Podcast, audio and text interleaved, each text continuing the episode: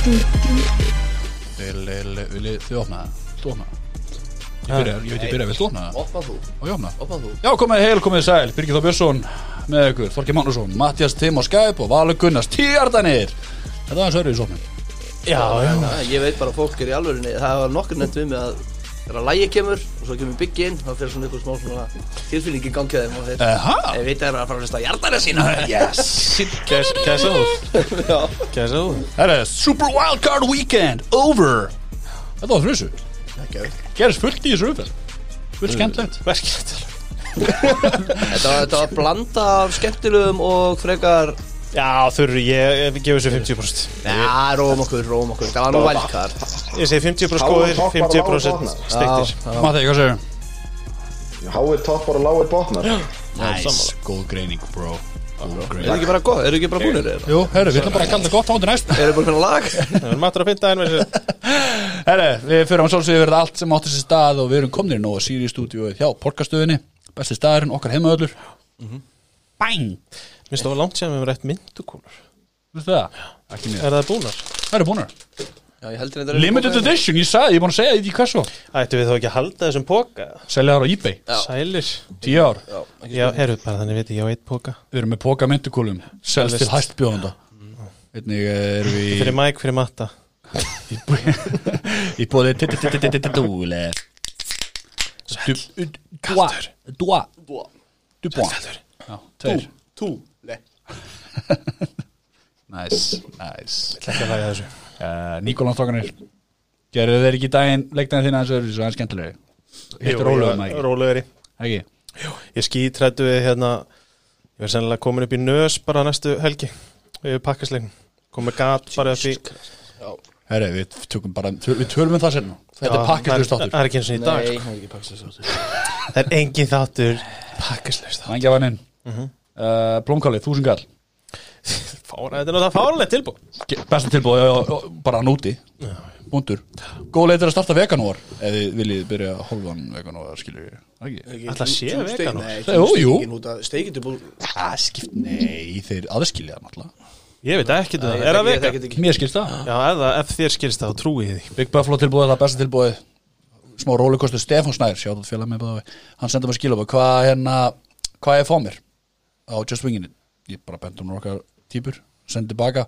Herru, það er ekki skipt máli hvað að senda Þetta er allt gott. Já, Það er bara málið. Vissi það. Vissi það. Örugt, örugt. Uh, Við ætlum allan að fara í wildcardið í þessu þetta Svo að sjálfsög droppum við þetta síðar í vikunni Við komum aftur saman. Mm -hmm. Þið þurfum að ræða leiki sem eru framöndan En uh, wildcardið, árum fyrir mig það Þá fengum við fréttir fyrir þátt. Já, Doug Peterson, bye bye Bless bless. Þetta, þetta er frekar spes sko, það er búið að segja að hann er örugur í starfi. En svo eru núna fréttir að segja að hann hafi bara verið svo erfiður að vinna með hann til lokin og hafi bara verið hættur að hlusta á fólk og var hann þreyttur á fólk var að segja hann hvað hann ætti að gera og eitthvað. Fór í fílu Já, þetta er svolítið skrítið. Erfiður. En ég skil Já, þetta þú hundar veist, hann var náttúrulega átt að fara að fund með eigandanum og til, eða sko sínunum hvernig hans sín á framtíðina væri og ef eigandin væri hrifin að því þá fengi hann að halda starfi. En hann hefur greinilega feilað á þessum fundi okay. Já, að því að hann var búið að gefa út ennir áframsvið sem, svo sem kostuð hans oft sko en, en ég skil þetta 100% ég bara man ekki eftir meira downfall og einu lið eins og Eagles undanfærið Það er mikið breyting núna, náttúrulega farin finnst í koordinatorinn, hann er uh, Doug Peterson farin, þannig að það er algjör stokkun upp á, á coaching personnel hjá hérna til Delfíu. Og það er strax fyrir að linka Peterson við Jets eða ekki? Jú. ég, já, ef við ekki að slaka þess á Það er ekki bara eitthvað gæði Það sem er bara að eitthvað orðrómur sko. Þú veist, já, þeir eru vinir, þannig að hann hlýtur að fá starfi Ég hef ekki alveg að kaupa það, sko. Það er alltaf séns. Það er alltaf séns. Og eitt annað líka sem ég ætla bara að pitcha að, að Það er komið eitt í viðbútt áður en bara að klára Pítursson Já. uh, Ég, svona, mér er ekki líkt að því að þeir hljó, þetta er þannig lið að þeir hljóta, ég sagði við ykkur, þeir hljóta að vera með eitthvað í hlaupinu. Þeir hljóta að vera með einhverja, einhverja pælingu, Já, skilji? Þið fyrstu tilbúin að sleppa honum. Pítursson er gæði sem áalið skilji að fá starf, jafnvel strax skilur En þeir hljóta, þú rekur ekki gæði sem að vann Super Bowl fyrir þremur árum síðan Nefnum þú sért með eitthvað klárt að því að það er, þá er þetta lið alveg í ruglinu Já, en ef þetta er samt eins og Matti var að tala um að hann fer hann á fundin og svona, þá virkar þetta eins og þetta sé nú svona frekar fljótt að gerast, Já. en ég er sammálaðir það er hljótar af bíbunum og, og það er ekki langt síðan við vorum að rósa þeim fyrir að taka sóknarlínumann sem að gæti ekki spilað í ár af því að þetta verður svona lið sem að hugsa til framtíðar. Já, ég, það er það sem ég var að hugsa ég það já, í einhverju já. hann hafi ekki setið bara og hugsað með sér, ég er ekkan, þetta rætast ah, Matti, Ég, ég held líka svona þegar þetta lið kom inn í leitina að þetta gæti verið sko versta headcoaching opening í dildinni af þessum sjö liðum sem eru laus. Þú veist, að um að sem að meikar ekki sens.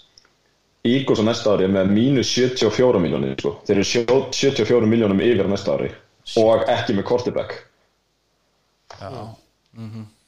eða veist ekki með quarterback eða allan að það er- þeir að hljóta bara, herru, getum við jumpstartað Vents ykkur neginn, hvern getum við fengið til að er að með Hurts? það er nefnilega, það, hann er á rúkísana það skiptir kannski ekki eins Já, já, já, ef þeir geta komið Vents í gang. Já, en, en já, já, þetta verður spennandi að fylgjast með spennt að fylgjast með. Það er náttúrulega ekkert fyrir vends ekki krónu sko, ekki pikka en eitt það er enginn að fara að taka hann, þú fær ekkert fyrst, er svo liðlegu samningur. Þú fara alls ekki först Nei, ég er að segja það, Ég þá tekur ég ekki ekki að honum nema hann sé bara einhver hausverkur sko. Nei, nákvæmlega. Þeim að segja það í fílu. Yes. uh, Ég ætla bara að pitcha þess að því að þetta er ekki leik sem ég er búin að lesa mikið um og svolítið hátt. Uh, Watson er pyrraður, hann er mjög pyrraður hérna, það er Texans. Uh, því að hann vist ekki hlustað á hans í hans ráðningum og Nei, já, ég maður heyra tvær legar að þessu. Annars vegar að vera að hlusta á star quarterbackin sem báði bara 25 ára. Mhm. og svo er ég líka hér pólinn og lætur ekki fangana stjórna fangilsinu En maður sann segja eitt, ef, það er sagt við hann, honum er sagt að hann muni taka þátt í þessum ráðningum sem að vera ykkur fréttir að bara heyri við, við áður við ráðum GM, áður við ráðum þjálfara þá heyri við þér, Já. svo ráðið GM og það er ekki einu svona heyrt í honum. Þá skilja alveg út pyrraður, en ef það verð ekki búið að segja hann, þá er þetta alveg smá svona prímatónu stæla sko, en ef það er búið að segja við hann, hann verði með í ráðningaferlinu á ykkur leiti og svo fara þær á bak við það, þá skilja alveg hann er pyrraður og líki þokkabóta réður eitthvað ráðningarskristu til þess að grúma í rauninni hvað verið besta fittið borguðu fleiri þúsund dólar fyrir það. Og svo hunsa bara alveg. Já, ráða uh, eitthvað prest. Ég, Mér finnst ráningin, GM ráningin finnst mér fráleitt, mér finnst hún fáránlega því að það er actually hlutir, þú veist það eru gaurar í bóði, einni bara í Monday Night Football til dæmis, Louis Riddick sem er í bóði ég, þú veist uh, það kemur mér líka svo óvast að þeir, það er þessi gaur sem ég man, uh, man ekki hvað heitir sem að er, uh, fólk er svolítið hrætt við sem verðist vera svolítið puppet master inn í liðinu. Hérna alveg stóli úr með hvað hann heitir, hann er mikið í umræðinu núna og hann verðist vera ráða prestin og það hann er ekki, hann er ekki svona prestu Nei, ég segi bara, ég kalla hann alltaf prestin Er ekki presturinn puppetmasterinn? Ég mani þetta ekki lengur. En þeir voru alltaf stjörn í fyrra. Og þá, og nú er búið að reka Bill O'Brien og þeir ætla ekki upp úr hjólfurunum skiljiði, þeir eru aftur að fara aftur í tíman að ráða það sem er ætla ekki í fyrra en fengi ekki gegnum þetta er rosalega skrítið og ég skil Watson vel, hann á betra skilið en það sem eru búin að setja í kringum hann síðan hann kom inn í deildina. Já. og hann á betra skilið heldur en að vera síðan ef að þetta er satt eins og þú segir að þeir hafi verið búin að ákveðna að setja hann inn í þetta þetta er alveg En svo veit maður aldrei, svo gæti vel verið að þetta virki vel þessi Það er er eins og segir ef þetta er en þeir djúvill þurfa að ráða góðan þjálfara núna. Já, ef þeir ætla að halda hún þeir þurfa að vera svona McVay hefnir Til aðeins útskip lustum hvað það verður skemmtið uh, með Watson, Pyrringurinn að segja. Að þegar Hopkins og treyta þá var Pyrringur cirka 2, 1 með 10 eftir þessa ráningu er hann 10 Pyrringurinn, hann Ú, ú, nice, drama. Yes. Herru, ok, halda áfram, þannig leiki Nei, allar ekkert að segja, mér, segja frá því að það vera orðan við Miami Dolphins? Nei, ég ætla ekki að byrja því. Staðin fyrir túa Ég er svo til í þetta treyt Ok, við, Shit, það, hvað það ég er þetta alltaf bara treyt. orðrumur og það kemur í Ég er náttúrulega ekki sammálaðir Við verðum eiginlega, að því þú komst mér svo áverum punkt að þeir myndu bara breytast í Houston þar sem að Watson væri með engin vopn. Ógíslega samanlösu Það er bara svo galin pælinga því í fyrsta það þá er er að því að vörninn hjá Miami er til dæmis svona tíu þúsund sinnum betri en Houston. Já, en spila vörn er- og sókna Miklu betur þjálfar uh, vörn getur, þú getur alveg sagt að vörn spila ykkur leiti upp Já, en er, er Watson að kasta vörnunum sína? Nei, byttu, svo eru þið með pikk Það er ekki eins og ætla að gefa öll pikkin ykkar í, í draftinu. Sækir fyrir- sóknarlínu mann og eitri Nóa Capspace Nóa Kaspesi, þetta er galið. Finnst skilja það samt verðið. sko. Á þá hreinu að þeir myndu alltaf þurfa að senda annað þessum pikkum. Anna, tvö, þeir vilja tvö Já, þú þeir myndu gefur þurfa að setja þörd þú gefur ekki frá þér. þú sko. gefur ekki frá þér super quarterback Nei, sem Watson myndu er bara þriðja en, en 25 ára gammal Nei, fjórða er svo mikið príma pikk. Fjórða pikk er svo mikið prí, Fjórða, er ekki með fjórða? ekki Við erum með third pick. Third pick er kvortibaka ef að Texans vilja sko. Já, þriðja, já, ég er að segja Og þeir fá túa Já, þetta er svo mikið príma pick að það er þriðja, þú ert ekki að tala um, þú veist mid, midround hérna pick eða mid þarna, þú þannig að ég eins og ég, en, og ég er ekki sammála að segja að það myndi Parker er ágætur, Gesicki er mjög en já. ef þið getið sótt ykkur vætri sífir þá í annar eða þriðju umfyrir eða hvernig sem það er. Sækja Allen Robinson ef það eru í stuði. Já, en hor, hugsaði, nú, við, nú þurfum að taka samningin já Við þurfum að borga og ég veit að Þetta er Matti- tóttónu bara undir þakki Ég, ég, ég væri alveg til að lifa í þeim heimi sem að ég er eitthvað, nei, ég vil ekki top 5 quarterback sem er 25 ára. Túa, hann er Nei, ég, veist, ég, ég, ég, ég þarf náttúrulega að horfa á þetta líka fyrir til hlið commitmenti, skiljur Hva, Hvað erum við tilbúin að gefa upp fyrir það, skiljur Það þarf náttúrulega að veltur allt á því. Hvað vilja Texas fyrir Húsið, Já. allt Ah, rastli Sendiði allt rastli Sendiði bæði first round picki núna Second round pick, sendiði pick á næsta ára vegna þess að þið eru komið það eina sem skiptir máli í þessari deild. Ok. Þið eru með geðveikan þjálfara Þið eru með flotta vörn og þið fáið einna bestu kortubökkunum í deildinni. Glemdu, þú þarft ekki að drafta því. Patriots dröftuðu valla Nei. alla tíð hérna, Tom Brady í, í Patriots. Og ef þið dröftuðu, þá dröftuðu með raskatinu. Jæja. Og hundi. Ó, ok. Ég er bara sko ándjós, Miami, húsið bara allt drasli, Ég- sendi ég er allt og túa bara þarna yfir, allt saman. Uh, ég allan að þarf þá að reyna að fá Villu við kaupa túa maður um í tröju Nei, Heili og rammar hana inn í bílskurinn Slaka á maður. Trúbiski fylgir skal reyna, að slaka á. Tjóður þið finnir maður. Já, já, tölum við leiki Ég er samt ekki að grína, sko, shit, hvað ég var til í þetta. Huðan á bænum, leiðum bara að byrja að tala um leikina. Yes. Ok, uh, lögadagurinn Klukkan 18.05 Þú þessu leikur. Leikur sem að munaði helviti mikið Nei, samt ekki, munaði bara þreymstum Ég ætla svona, svona byggja ykkur svona, svona stemmingu fyrir þessu. Bills 27, Colts 24 Síðan síðan röðs Svo hann fór að gráta í post Ég er að horfa á þrjá hvort tilbaka Þ- Fyrst þú, að því þú hendir þessu svona fram. já. Ég geti bara, það lítið þannig út að við getum bara verið að missa þrjúdaldi stóluna Brís, Róðleisberger og, og, og, og já. Þrý stóri karakter í dildinni Allavega tvo, ég hef alltaf giskað á það. Mér, mér finnst þetta svo skrítin leikur veist, það er eiginlega ótrúlega að þetta fór bara með einhvern veginn ég, Mér finnst Colts Colts- byrja ógislega vel. Já. Mér finnst þið góðir strax í byrjun En svo bara, þú veist, Josh Allen bara take up á, mér finnst hann gegg Mér finnst hann svo góður. Eins og, eins og hann var geðveikur í vetur geðveikur, þá er þetta svona ákveðin coming out leikur hjá hann að því að hann bara tekur liðið á sínar herðar í svona leik. Geggjaði sko. Bara sýnir bara svona þroskan í lífunum frá því í fyrra. En það sem er sturlað við þetta Ef þú horfir, ef þú bara sérði ekki hvernig leikurinn endaði Og ég var að skoða þennan blíta Og þið skoðið statsin hjá Colts Þá er maður bara, heyrðu þeir töpuðu þessu. 60, nei, 76 total plays á móti 58 27 first downs 9 af 17 og 13 og meðan Bills eru 2 að 9 og þið töpuðu þessum leik. Þetta er Þessi fyrst, fyrsta liðið til að tapa í play-offs með svona marga eitthvað, þetta var eitthvað svona mjög skrítið dæmi sko. 472 total yards. Já, já, þú veist, en Og þau tapa. Þetta er rosalegt sko. Red Zone hjá þeim er bara, það var út á þykju Mér fannst já. Rivers var ekkert lélur í þessum leik en hann var bara að vantaði veist, eitthvað svona eitthvað pínu lítið upp á að hann væri með edsi til að vinna, fannst mér. Já, veistu, við sáum það bara á, eins og við vorum að tala um allt árið að svo, vantar einhvern veginn allan kraft. Við sáum aldrei neitt alveg upside og ekkert alveg svona downside heldur. Og þú veist, þeir voru þarna eitthvað að reyna undir lokin þarna í einu dræfi að fá fjóra hjarta þarna til að skora touchdown. Og playkólið var bara galið, sko, það var eitt play sem var endar lérið kast hjá Rivers, gott playkól en hitt að bara kæftaði og svo fengur Bills hérna dræfindi lokin þar sem að þeir bara náðu upp öllin og viðst, kolskáðum hérna first down á fourth down og þetta var bara, viðst, mér fannst einhvern veginn kolsalega skila að vinna innan leik svona heilt yfir liti en þeir gerðu bara svo ógeðslega mörg mistök að þú getur ekki gert það í play-offs á móti þannig að þú tapar bara. Já, sérstaklega svona sjóð heitum Bills. Uh, Beasley, hann, hann fekk nú eitthvað all-pro á það, hann, Mattið, þér finnst það örugglega mjög sangjant að ekki? Ég held að hann ætti ekki að vera með í þessum leik. Já, hann var alltaf tæpur. hann er alltaf með. Zach Ég, Moss, hérna- dættur út í þessum leik og hann kemur Devin Singletary, basically sami maðurinn finnst mér eitthvað er með hann dettur út út Moss er tímabilið ekki núna, með Moss? bara, Já, það er skellur samt fyrir Bills það er finnst mér. 100%, alveg 100% Já, og líka bara að komast í gegnum hennar leik án þess að spila vörð það er alveg afreg sko. Mm. því að Bills hafa svolítið verið svona sístu vikurnar að lifa á því að vörðin steg upp eins og við erum búin að tala um mikið. Þannig að þetta var áhugavert, ná ekki sakki tvö pönt frá Colts, þetta er fáránlegt að það skildu tapa þú veist, bara statslega sér sko. Já, já, já, það er að falla við NFL Það er ekki bara stats. Mér fannst samt, já, ég, það er það sem er að falla ég veit, ég er sammála, sko.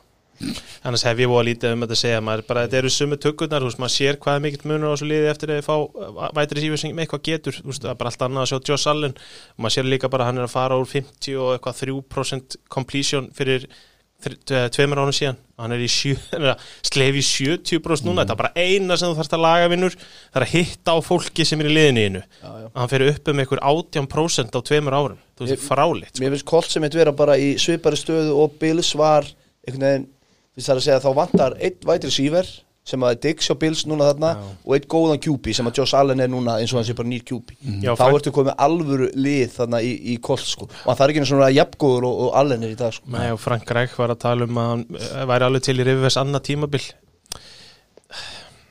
Eða? Við sko, þá, þá kannski ég ég var eitthvað að heyra um það að það væri þá kannski síðan svona þeir fá QB inn og ef hann væri til í að vera í aðeins minni rullu hann, hann Rivers. Meika samt ekki sens Nei, en ég meina þá ekki kannski á bekknum en svona þú veist eitthvað ég veit ekki hvort maður að segja Taysom Hill eða eitthvað áleika, skilur hvað að menna Já. en þeir eru náttúrulega myndir í sett Ég veit ekki hvað ætlar að nota hann í neitt annað en að kasta sko. Þeir eru samt sko, þú veist, ég er ekki að fara að segja að Jacobi Brissett sé eitthvað Taysom Hill, ég er ekki að segja það. En til dæmis eins og Matti uh, talaði um að við rættum þetta leikunni í gangi. Til hvers að Jacobi Brissett taka öll þessi köst allt sísunni, lokakastið? Já, þar sem þarf að drífa eða í endsónu á anstæðinum Já, bara heil meðri til að vinna leikin heil meiri til að vinna leikin og nota Philip Rivers sem drífur ekki eins og endsónu Það dreif ekki Já. og ég er samlega, og mér fannst playcalli í þessum leik bara mjög skrítið hjá Colts. Já, Frank Rækja Já, mér fannst bara Frank Ræk gera illa mjög oft og ég setti spurningamerki við hann og mér fannst þetta margi þjálfarar í þessari vældkort umferð ekki góðir. Nei, Ég ætlaði að vera að segja að þetta er bara einn verst þjálfaða vika tímabilsins. Það eru, það fjóru sinni í þessum leik held ég, er ekki fjóru sinni í þessum leik þar sem ég kasta rauðaflaginu, challenge. Jú, já, ég, ég og það ekki. hver öðru heimskuli, þetta var eins og þetta var í keppni í heimskuli um challenge. Þetta var, ég meina, ræk bara þetta, þetta var líka svona í Seahawks ramsleiknum, þar var bara hérna, Við förum við challenge á Hawks bara, þú veist, hvað erum við að gera hérna? við förum við það. Matti, hvað sér? Mun mun ekki eftir gæðinu sem að ringdi Bill Belichick og Bill Belichick kastaði símanum Mhm. hann er bara í öllum liðingur en það Nú, Þú veist, hann, Já, já. það var hann að challenge-gaurinn Já, hann já. að segja hann um að challenge að Belichick var brjálaður og það verðist að reynt svona í hverju liði En það var nú dómar að skita þarna, verðum við ekki að tala um það Þegar það var dæmt að hann væri hérna niðri Já. Þegar hann fömblar hérna á, Pascal Já, Pascal Og allir sem horfðu á þetta sá að hann var ekki niðri þegar hann fömbla boltan Ég, ég, ég skil þetta ekki ennþá Er við búin að heyra eitthvað um þetta? Er eitthvað búin að útskýra þetta? Já, sko, þess gægin sem að kýli boltan, hann snertir á hann baki með vinstri hendinni, ég hef búin að skoða þetta allt of mikið. Og ég held að þeir hafi ákveðið að það væri ekki nægileg sönnangögn um að hann hafi ekki snertan áður en enn hann kýldi boltan eða eitthvað svona. Já, við, við sáum það, ég sá það einmitt þegar maður var að horfa á þetta En maður sá svo greinlega að koma upp En það skiptir ekki, sem betur fyrir ekki máli fyrir leikin Nei, mál Já, sko, Guð minn góður, Colts eftir, maður var bara shit, þetta átti að tapa leiknum fyrir Bills og svo bara áttu Colts svona minnst klöts sequence hann eftir þetta. Bara kasta held í þrísar út af og eitt umrætt kast og það var bara búið.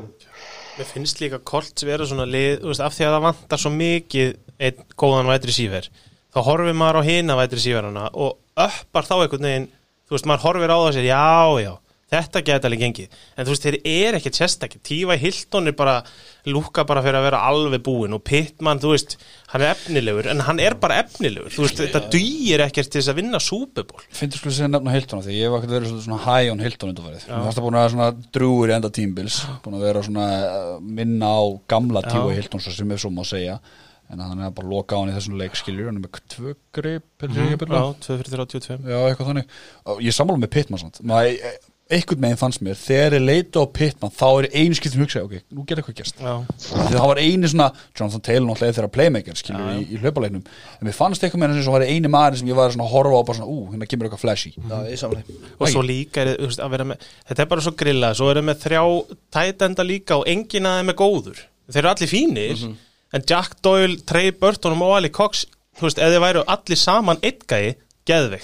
En þú ert með þrjá svona lati da- tætenda, þú veist, það þeir, verða, við erum búin að, þú veist, sögðum þetta fyrir þetta tímabil, nú bara verða þeir að þeir eru bullandi Allen Robinson, dæmi sko, Já. bara sækiði Allen Robinson fa bæn. ég fannst það bara svona akkur svona fýll leikur tætendlega sér fyrir á þeir eru bara fínir, skilur Já. En hei, fyrsti sigur Bills í 95 Já, bara geggja og þeir eru til alls líklega þó þetta verði þessi AFC Já, já, þetta verður erfitt næst hjá þeim en, en þetta er lið sem er til alls líklegt Já, lestin allan lifir Hún lifir klálega og á fullri ferð. Djöfull er gaman á þessar helvítis lest maður Mhm. Óh Það er auðvelt dýrka á. Svo náttúrulega herðu, það voru fans náttúrulega í, í, í fyrst skipti í 6.000 stykki. 6.000 stykki. Það verður svo eitthvað tala sem er að vinna með núna. Sáðu Unitið í stúkunni? Já, Minnsta haus sem 74 ég sé Minnst haus sem ég sé Stærstu skrokku sem ég sé. Wow er absolute unit.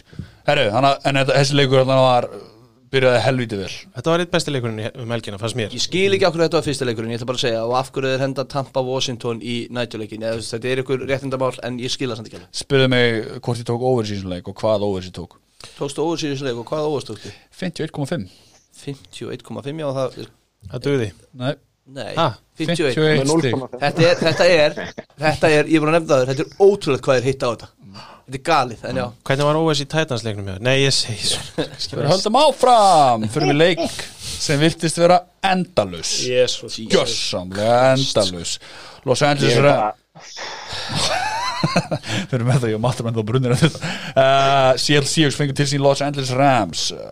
Hawks 20 Rams 30 Þetta var alls ekki uh, coming out hjá Wolfmann sem byggast við valur? Uh, já, jú, jú, hann var góður. Hann var Já, ég veit að ég, bara, ég, ég meira, meira að segja sorglegt fyrir okkur Já. sem miklu Wolfmann menn.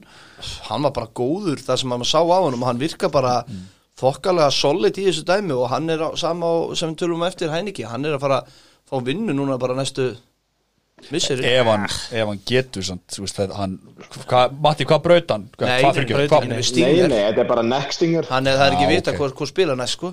En hérna ég bara kannski byrjum hinum einn hjá Seahawks. Mér finnst það nú kannski vera meira dæmi sem að tekur út, út úr þessu sögulinar því að hvena voru Seattle Seahawks síðast góðir?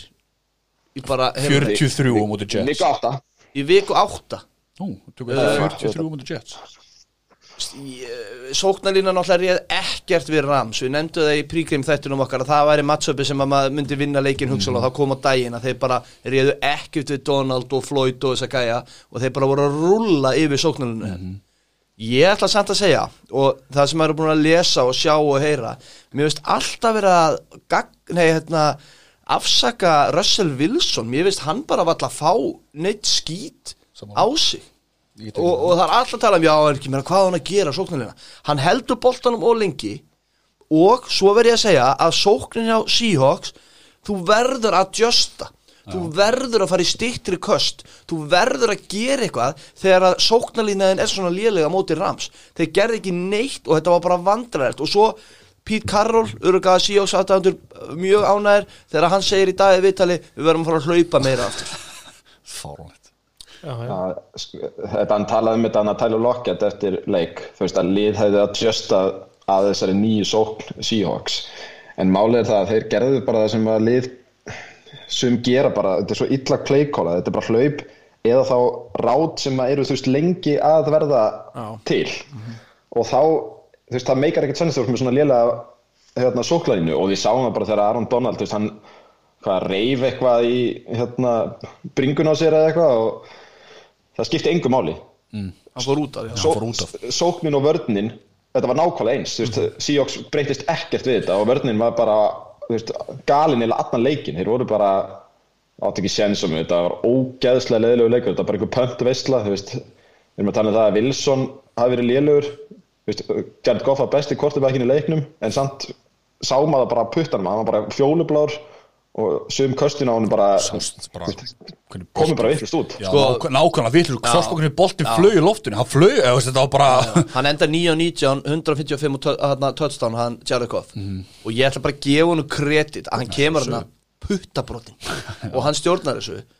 En Já, 12 dögum eftir aðgerð. Já, já, en bara Seahawks var ekki að fyrir að vinna þennan leik þó að þeir hefðu spilað til sko miðnetti sko, þetta var bara, það var ekkert í gangi í sókninni og þeir hefðu ekkert við þessa vörn. Og annað líka í þessu sko að bara strax eða ekki bara eftir sko se- setna dræfi hjá, hjá hérna Seahawks DK Metcalf brjálaður á hliðlinni Já. sko ösku illur þannig að það gekk allt upp sem Ramsey Ramsey bara gera allt á rétt hann bara lokaði á hann skilju Já, hann, enda nú saman 96 hjart og 2 tötstan Já, ég, ég, ég, ég veit, en ég meina, herru, hann hjælt hann alveg niður, þannig, ég meina, hver, hver vann leikin skilju, inn í enda þetta deg Já, já, ég eins og ég segi, ég bara, ég hef áhyggjur á þessu Seahawks liði, ef ég er alveg hreinskilin og hérna, ég, ég veit ekki á maður að fara að setja eitthvað, nei, ég þóri ekki maður er ekkert að setja spurningamerki við Wilson hann er, að sjálfsögðu er hann góðu kjúpi en ég veit ekki, mér bara þetta, þetta Seahawks liði, og öllum er miklu mombröðum þegar að leiða á tíman Russell Wilson samt er nú winning record öll, allar, öll sín tímbil Já, til hamingju. Þetta er líka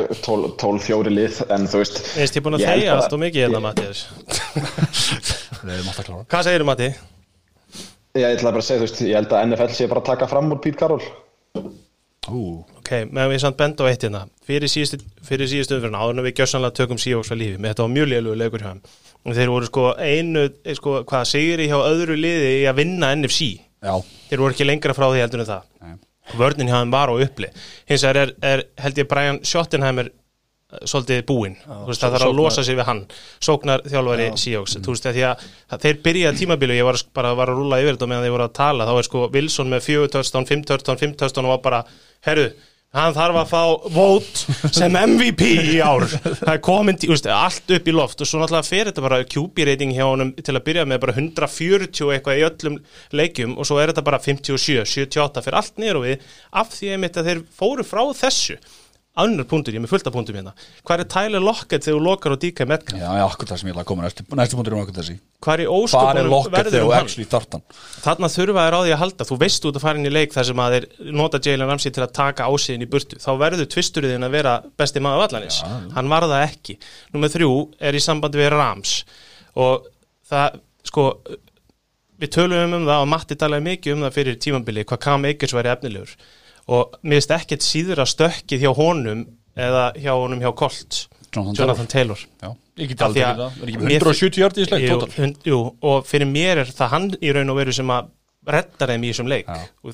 það er svolítið hættulegt bara fyrir þá sem taka á móti. Mér meina hlaupaleikurinn hjá þeim er búin að ganga á Henderson og Brown og var fýtt þegar það var. Mm. svo bara þegar það fyrir eitthvað aðeins að klikka þá bara heyrðu Cam Akers tekur yfir og nú er hann bara með 28 tilraunir. Mm. Þú veist, þetta er, mér, þetta er ver, veist, Sean McVay má alveg fá smá klapp á baki fyrir hvað þeir eru að gera 100%. Í, le, Síðasti í leika sem þeir eru ekki með kvartabæk í rauninni Nei, nákvæmlega það er það sem ég ætla að segja Þri, í þriðja punkturinn minn þeir kalla Jared Goff emergency backup Mhm. hvar er Blake Bortles? Já, hann er ekki einu svona skýst Ég skil það ekki náttúrulega. Ha, Blake Bortles sem sagt var sænaður uh, af Hann er practice pra- squad til. Denver Broncos til þess akkur í þessum aðstæðum í praktiskoti á þeim og kemur ekki upp þegar að þetta gerist hvernig í ósköpunum Er og svo fara þeir í QB sneak by the way Já. með Goff þar sem að maður sá alla vörninni hjá Seattle berja í boltan sem er í höndinni sem er puttabrótt E- Ef, ef að Rams hefði tapað þessu leik þá væri bara, þá væri verið að spyrja mjög alveg spurninga, af hverju þið eru ekki með þrjá kjúpja þegar þú ert með Wolford sem er með farin reynslu upp, farin upp á spítala fyrir já, nei, það, já, sko. og bara er með enga reynslu og puttabrotin bara í backup. Mér finnst það bara galið. Ég- ég, ég er ekki tengt COVID eða Getur ekki sagt það? Ha. Blake Bortles, hann, bara, hann hefur bara ekki mátt vera með ennþá eitthvað, quarantine Nei, nei, nei, ég held að hann, þess að þrjára eða fjóra viku síðan í sænu, að hann hefði alveg mátt hoppa Já, það er svo langt, mér fannst það já, að gerst bara í viku fyrir sorry. Nei, þannig að þú veist, það er, já, þetta er svona það sem að mér fannst merkilegast í þessum leik. Ég, þú veist, mér finnst, ég er sammáleikum með Pete Carroll. Ég var eitthvað að gera gríni að hann myndi standa á hliðalínun og brosa, sáum það ekki. Og mér fannst þetta bara afhróð algjört hjá Seattle og ég er sammáleikum þegar þú hefði getað spilað í marga daga og verið að tapa með tíu stugum, sko. Talda sem þetta vörnina hjá hérna, Rams, pikki þjá Williams er geggjað. Já, þannig fyrir á milli Þegar á þarna milli, í- já, talandi um að vinna vinnunum sína Já, fyrir leik. Kannist þið við þetta að playa Já, Þetta er bara öfugum einn á vellinum úr Super Bowl. Já, Butler pikkið. Já, Þetta er bara nánast sama kastið nefnum bara vinstra megin á vellinu og hann bara lesi þetta. Já. Drullu vel gert hjá honum. Uh, En svo erum við eitt punkt sem ég ætla að taka líka En ég er bara búin að steng Jú, Johnny Hacker, hann í rauninu var QB3 Já, hann var Rams, og ég kallaði eftir að fá hann á völlinn. emergency. Ég vildi fá Johnny Hackerinn og punterinn hjá Rams. No, En not? þetta er mjög óþægilegt lið. Sorry, ég veit við hefum ekki að en bara svona, þetta er, ég ætla bara að segja það Þetta er mjög óþægilegt vika fyrir, hérna, fyrir Rams og Packers. Að því að þú veist, Rams veit ekki einu sinni hver er að fara að spila næsta leik, hvað er að pakkist þá að gera? Nei, þeir verða bara, nú eru þeir bara á hlaupavarnanæfingum vonandi að reyna að halda utanum það sem gerist í þessum leik sem er óumflýjanlegt sko. Já, já, en þú veist Já, alveg, alveg klála og ég meina Rams er alveg með það góða vörn að þeir eru ekki gefins en Nei, bara Dívondi Adams getur bara pakkaði tösku og verið rólegur út á kanti sínist mér með að Jalen Rams er að leifa ykkur average 20 hjarta í leik á sig sko. Já, ég meina, yngar okkur því maður það er góð leik Yngar okkur Þú ert svo hot uppi. Ég vil ekki gaman að uh, Goff kom um í, í hérna villhaldarleik og sagði að þið pyrraði hann að Jamal Adams hefði kveikt á vindli fyrir tveim ykkur síðan að fagna hann eftir að unnu þá það kveikti í honum auðvitað en svo megin kveikti í anstæðinum Mhm. en ég meina, talaði um að já, öfu meginu mitt. Kveikti bæði í anstæðinu hinnu megin og hann gaf hann ekki að kveikja vindli Já, rétt. me- það er mjög auðvelt að vera í þessu Michael Jordan mindseti að vera að finna eitthvað dót til að vera pyrraður yfir og, og, og peppa sig upp. Já. þegar að menn eins og hann og Juju og fleiri eru bara, herru, gerðu svo vel og, og hérna Tennessee og svona, herru, verið pyrrað, herru, vinni okkur næst. Mókið yfir mig Halda árum Eitt punktur. Já.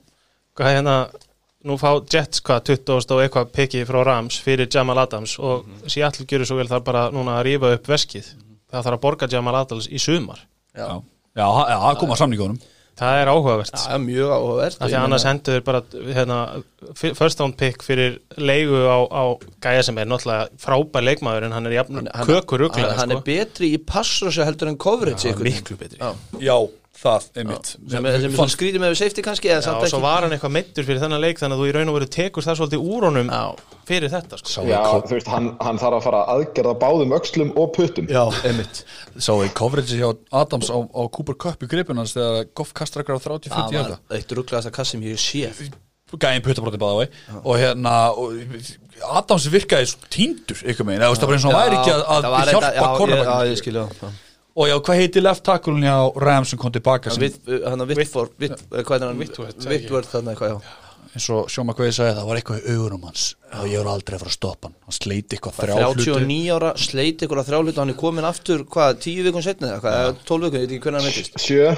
Nei, bara 7 vikun Já, ég veistu að, já, já, það er geggjað Þetta var ekki, það var sem betur fyrir var þetta ekki ACL, þetta var eitthvað LCL og PCL. eitthvað annað. Ég held að hann væri hættu bara, þetta, þetta er bara eins og þegar Ray Lewis kom inn að tilbaka um árið muni eftir því. Hann var eitthvað ekki gammal og eins og ég held að Bill Simmons hafa talað um erum við bara hættir að bara einu sinni setja veit Það er bara verið að dópa þessa gæja. Og við erum bara, heyrðu, hann er tjóðist tökkur í honum. Sundu sprauta og við erum allir bara yeah, gegja Svo þetta er út í næstu eða það er næstu umferð og hann deyr eftir svona fimm ára eða eitthvað sko. Þetta er ekki Já, ok.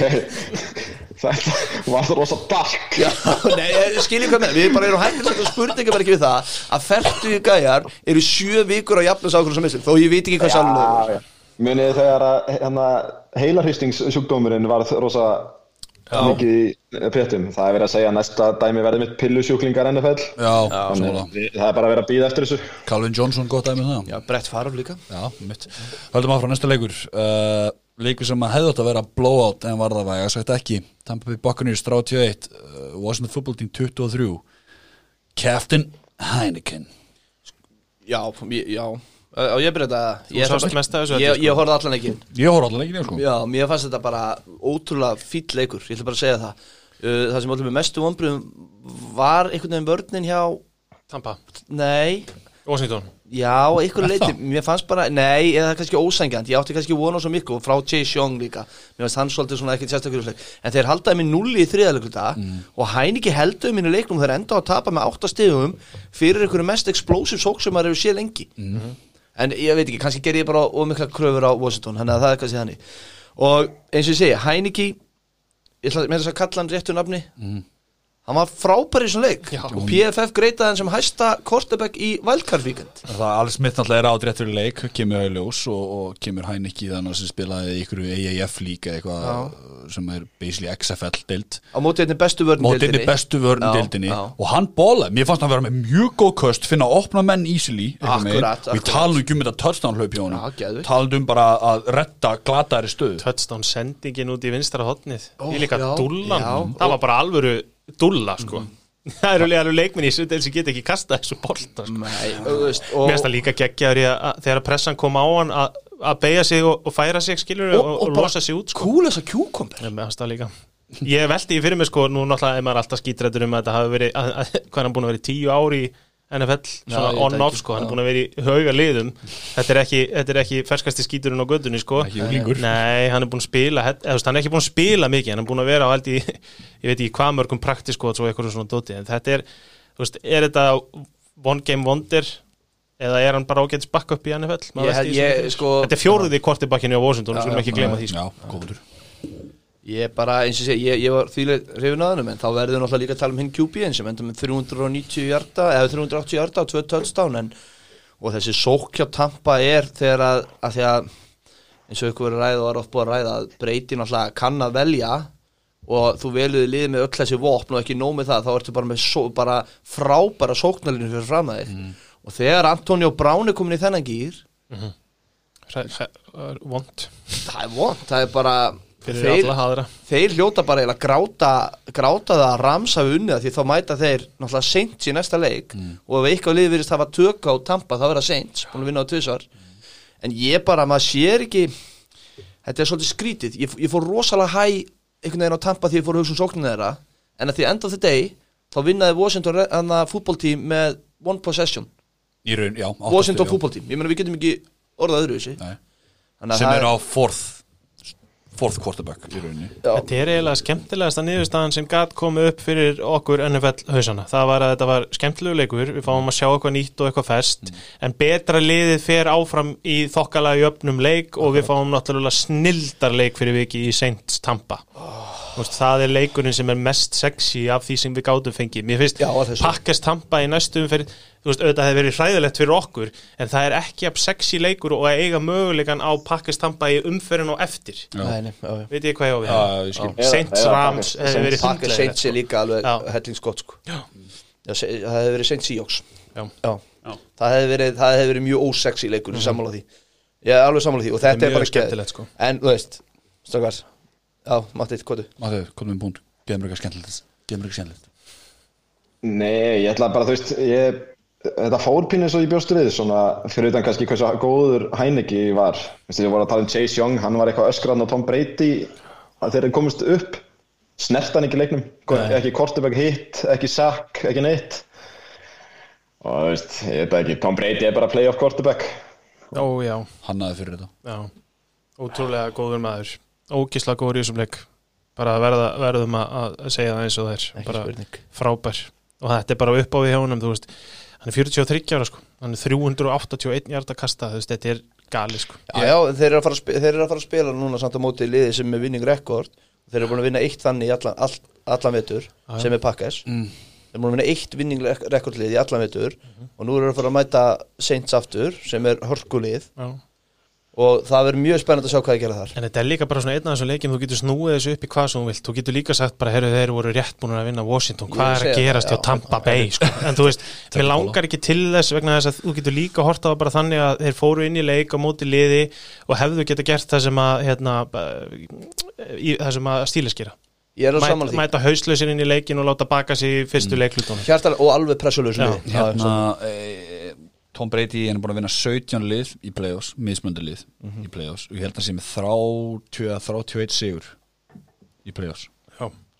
Sem er alltaf ekkert annað en magna Já, hann er sko Hann er búinn að spila í 15 400 ár, yfir, sko. Já, og með besta liðinu. Já. 15 yfir næsta eitthvað alveg sem er Montana eða ég man ekki Damir- nei, ég veit það ekki, en hann er gjöss hann var frábær í þessum leik og hann, það er bara eins og þú segir, hann er playoff quarterback, döðans, náttúrulega frá- ekki eins og þessi liðlegur regular season, en hann er geggjafur. Matti En Bruce Arians er nú alltaf ekki jákvæðasti maður svona eftir leiki og hann sagði ef við spilum svona varnarleik þá töpum við í næsta leik. Já. Þannig að Þetta sé rétt hjá hann. hann veit alltaf drull yfir einhvern. Ég gaman að ég Alltaf gaman að kalla vörnum þessi Ég, það er bara, ég held, þetta er hár rétt hjá hann.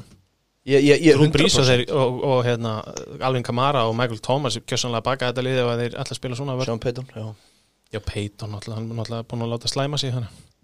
Já, tjúlega það fyndi mig Eða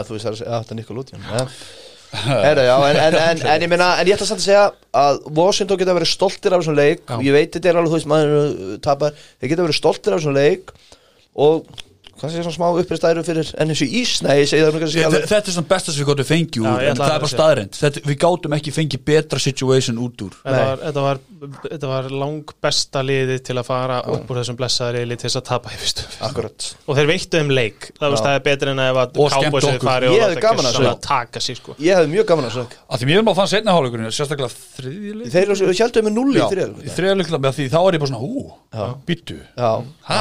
Er Ron Rivera búin að taka einhverja hálfleisræði sem að gýra allar ganga? einmitt. Það er bara upp á því hjá Washington. Það er held ég besta liði sem reyðilega á næsta ári. Sko, í byrjun fjóraða, þá var 18-16 Já, það glemist fyrir, fyrir Tampa. Hald áfram, Yes. Næsta leikur uh, Já, það er rivalry. Já, Rævalur, það er ekki leiti Er þetta ekki bara Já, hvað er leikur? uh, Ég ætla bara að segja, Tennessee Titans 13 Bóltum Ravens 20 Er ekki bara að byrja nýtt rævalur? Jú. Það er bara hatrið þarna á milli er real. Hata já. Ég veit eins og að Matti hata Mike Vrabel hann er ekki svo einni maður Motherfucker Ég er bara Ég, ég var sko Ég lappaði til konuna eftir leikin og var bara Ég var bara vannvirtur Það er búið að vannvirða íþróttina Þú veist þetta var bara Ég var svo Ég hef aldrei verið svona reyður eftir leik sem að liði sem að ég var, vildi myndi vinna hafi unnið. Ég var bara eitthvað svo hnyggslaður og svektur á því hvað gekk á þannig. En bara til að tala um það þá Ég, veist, vilt þú ekki bara ræða þetta byggi? Þú ert með betra internet en ég. Vil ég ræða þetta? Ég þarf ekki að ræða þetta Nei, ég meina, Þú ten- veist, ég, ég, veist, helst að bara eða það að Mike Vrabel bara chicken out í stöðuna sem hann þarf að ná stigum, skiljur, á 14 second Það eru tvö, tvö pönt í þessari umferð sem eru fráleitt gjössanlega og þau í þessum leik, ég meina að vera á fortán hvað var þetta, tú eða Já, ekki? 14-2 og þú ert með Derrick Henry og við, veist, það er bara kostulegt að maður hafi sagt í einhverju svona látóninn í síðasta þætti eitthvað gæti verið að þeir hafi bara verið aðeins og aggressíð með Derrick Henry í þessari viku. og það bara sést. Og þeir trist þeim í trekki, trekki, trekki, trekk þá hlaupa er honum ekki þegar þeir eiga short í artits og Það var þriðju. eftir að Baltimore var búið að stakka því Baltimore gerði bara ógeðslega vel í vörninni. Já, já, og alveg, en ég er alveg saman, ég hugsaði til og þetta make, eh, ég er alveg sammálaður, þetta er alveg úr skoðu punktur. Já. en Baltimore gerði rosalega vel þeir stökkuðu bara alveg í línuna og hann hafði engin hús að venda aldrei. Og eftir nokkuð skiptið þá segir, heyrðu, þetta er ekki að ganga við verðum bara að lefa Tannehill að reyna við þetta. Já þá